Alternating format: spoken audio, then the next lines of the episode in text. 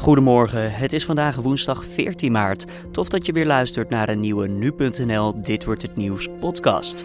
Mijn naam is Julian Dom en zoals gewoonlijk kijken we naar de nieuwsagenda vandaag... met daarin aandacht voor de vergiftiging van dubbelspion Sergei Skripal... en een megabatterij in Utrecht. Maar eerst kijken we kort terug naar het belangrijkste nieuws van afgelopen nacht. De Britse natuurkundige en kosmoloog Stephen Hawking is woensdag op 76-jarige leeftijd overleden in zijn woonplaats Cambridge. Hawking leed aan de spierziekte ALS en was daardoor al op vroege leeftijd aangewezen op een rolstoel. Zijn denkvermogen en enthousiasme om ingewikkelde wetenschappelijke ideeën aan een breed publiek uit te leggen werden nooit aangetast. Zo stond Hawking ook bekend om zijn mediaoptredens en zijn humor. If there is one thing you want people to understand about your work, bearing in mind that most people will never understand anything about your work, what would that thing be? Imaginary time. People think it's something you have in dreams or when you're up against a deadline. But it's a well defined concept. Imaginary time is like another direction in space. It's the one bit of my work science fiction writers haven't used because they don't understand it. Idiots. Dat was een fragment van Last Week Tonight met John Oliver, die Stephen Hawking interviewde. Over de precieze doodsoorzaak van Hawking is nog niets bekend. De miljarden aan toetredingssteun die de EU aan Turkije heeft gegeven om wetten aan te passen, hebben maar een beperkt effect gehad. De Europese Rekenkamer concludeert dat in een rapport. Veel meer aandacht had moeten worden besteed aan essentiële hervormingen op vlak van de rechtsstaat. Het kabinet maakt ruim 300 miljoen euro vrij om het personeelstekort in de zorg terug te dringen. Met extra geld voor opleidingen, werk en stageplekken moet het tekort in 2022 grotendeels zijn weggepoetst. Het VUMC in Amsterdam heeft voor 48 uur een opname- en uitplaatsingsstop ingesteld voor de afdelingen Intensive Care en Medium Care. De reden is een nieuwe besmetting met een ziekenhuisbacterie. Op de spoedeisende hulp kunnen daardoor tot donderdagavond geen ernstig zieke patiënten worden opgevangen. Meer werkenden zijn in de afgelopen jaren overgestapt op een ander beroep. Sinds 2015 neemt het aantal overstappers weer toe. Vorig jaar hadden ruim 900.000 mensen tussen de 15 en 75 jaar een ander beroep dan in het jaar daarvoor. Dat meldt het Centraal Bureau voor de Statistiek. Dan kijken we naar het nieuws van vandaag 14 maart, oftewel dit wordt het nieuws. De 66-jarige dubbelspion Sergei Skripal en zijn dochter liggen nog altijd in het ziekenhuis. Beiden zouden zijn vergiftigd met een zeer gevaarlijk zenuwgif dat stamt uit de Sovjet-tijd. De Britse premier Theresa May gaf de Russische overheid tot 1 uur s'nachts Nederlandse tijd om met uitleg te komen over hoe het middel gebruikt kon worden bij de moordaanslag op de Skripals. Rusland heeft dat echter nagelaten. We praten daarover met nu.nl-redacteur Matthijs Lelou. Ja, Matthijs, er is dus geen reactie van Rusland gekomen. Is er iets te zeggen over waarom niet? Ja, Rusland doet wat het in dit soort gevallen eigenlijk altijd doet. Zelfs als alle bewijzen naar Rusland wijzen, dan blijft het Kremlin glashard ontkennen totdat de internationale aandacht weer verslapt. Dat is een strategie die we natuurlijk kennen van uh, bijvoorbeeld de Russische annexatie van de Krim en het mhm. neerhalen van MH17. Uh, het Russische ministerie van Buitenlandse Zaken die heeft het ultimatum van uh, premier May en het dreigen met strafmaatregelen al omschreven als een circusshow van de oneerlijke Britse autoriteiten. Uh, weten we eigenlijk dan ook iets over waar ja, Skripal mee vergiftigd is, als we daar even op inzoomen? volgens de Britse regering gaat het om een middel uit een groep zenuwgiffen met de naam Novichok. Mm Die werden tijdens de jaren 70 en 80 ontwikkeld door de Sovjet-Unie.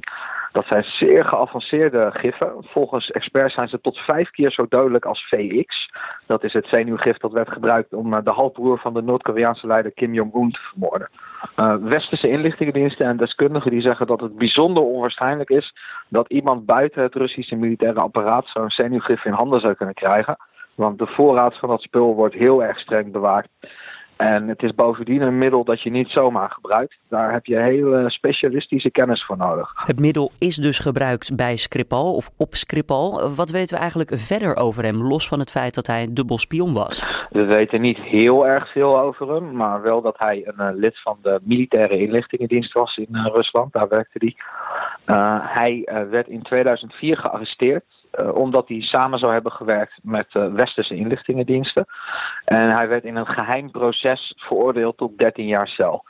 Maar in, in 2010 uh, werd die uitgeruild. er vindt soms spionnenruil plaats, in dit geval tussen Rusland en de Verenigde Staten. En nadat die werd uitgeruild, belandde die in 2010 in het Verenigd Koninkrijk. Ja, Skripal heeft dus veel te maken gehad met de Russen. Nou, mogelijk dat de Russen dachten we moeten hem uitschakelen. Um, er is bewijs gevonden van ook een Russisch afkomstig middel. Het Verenigd Koninkrijk heeft nu gedreigd met maatregelen. Hoe zit dat inmiddels? Premier May die heeft vanochtend een overleg met de Britse Nationale Veiligheidsraad waar zal worden besproken welke strafmaatregelen de Britse regering zal nemen. Mhm. Waarschijnlijk zal het gaan om economische sancties, uh, visumverboden en bijvoorbeeld het bevriezen van Russische financiële bezittingen in het Verenigd Koninkrijk. En naar verwachting zal May ook voorstellen dat er een internationale coalitie wordt opgetuigd om Rusland op de langere termijn aan te pakken. En daar zouden bijvoorbeeld de EU en de NAVO, maar mogelijk ook de VN bij kunnen worden betrokken. De Russische regering die heeft al laten weten dat er dan wel meteen tegenmaatregelen zullen volgen. De internationale betrekkingen tussen de landen staan op scherp en op nu.nl houden we daarom die situatie ook nauwlettend in de gaten voor je. Matthijs Lelou hoorde je over de vergiftiging van voormalig dubbelspion Sergej Skripal. Een megabatterij zal vandaag in Utrecht worden geplaatst. Het gaat om een Tesla Powerpack, de eerste in zijn soort in Nederland. De batterij moet de stad helpen te verduurzamen en heeft als doel onderdeel te worden van de energievoorziening rondom Utrecht Centraal. We praten daarover met Robin Berg van het Smart Solar Consortium in Utrecht. Ja, meneer Berg, het is een grote batterij, maar hoe groot eigenlijk? Hoeveel stroom past daar wel niet in? We plaatsen nu uh, bijna 1 megawatt uh, uur opslag. Hoeveel huishoudens zijn dat pak een beet? Ja, een huis gebruikt zeg maar, gemiddeld per dag ongeveer 8 uh, eh, kilowattuur. Dus daar kun je behoorlijk wat huizen mee van energie voorzien. de bedoeling is dat we dat nog wel flink gaan uitbreiden de komende jaren. Dus zeg bij telefoons die hebben vaak last van degraderende batterijkwaliteit. Nou, pak een beetje een jaar of twee of zo. Is dat bij deze ja. megabatterij ook zo? Dat we misschien moeten vervangen over, nou, twee jaar? Nee, Tesla geeft ons tien jaar garantie op deze batterij.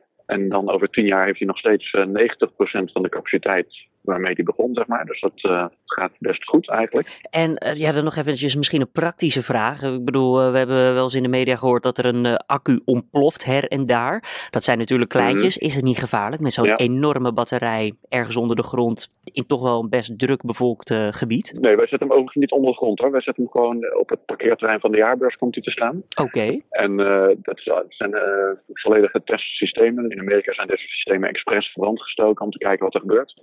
En het blijft allemaal binnen de, de batterijkast. Dus je, krijgt geen ontploffingen of uh, enorme steekvlammen of zo. Dat is volledig veilig. Robin Berg hoorde je over de plaatsing van de eerste Tesla Powerpack in Nederland. En wel in Utrecht.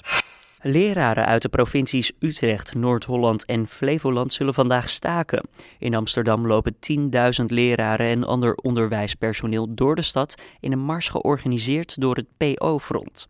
De sobere mars van het Waterloopplein naar het Museumplein onderstreept dat het nog steeds code rood is in het primair onderwijs. Aan het eind van de mars wordt de proteststreeks overgedragen aan leraren in Brabant en Limburg. Die zullen dan op 13 april actie voeren.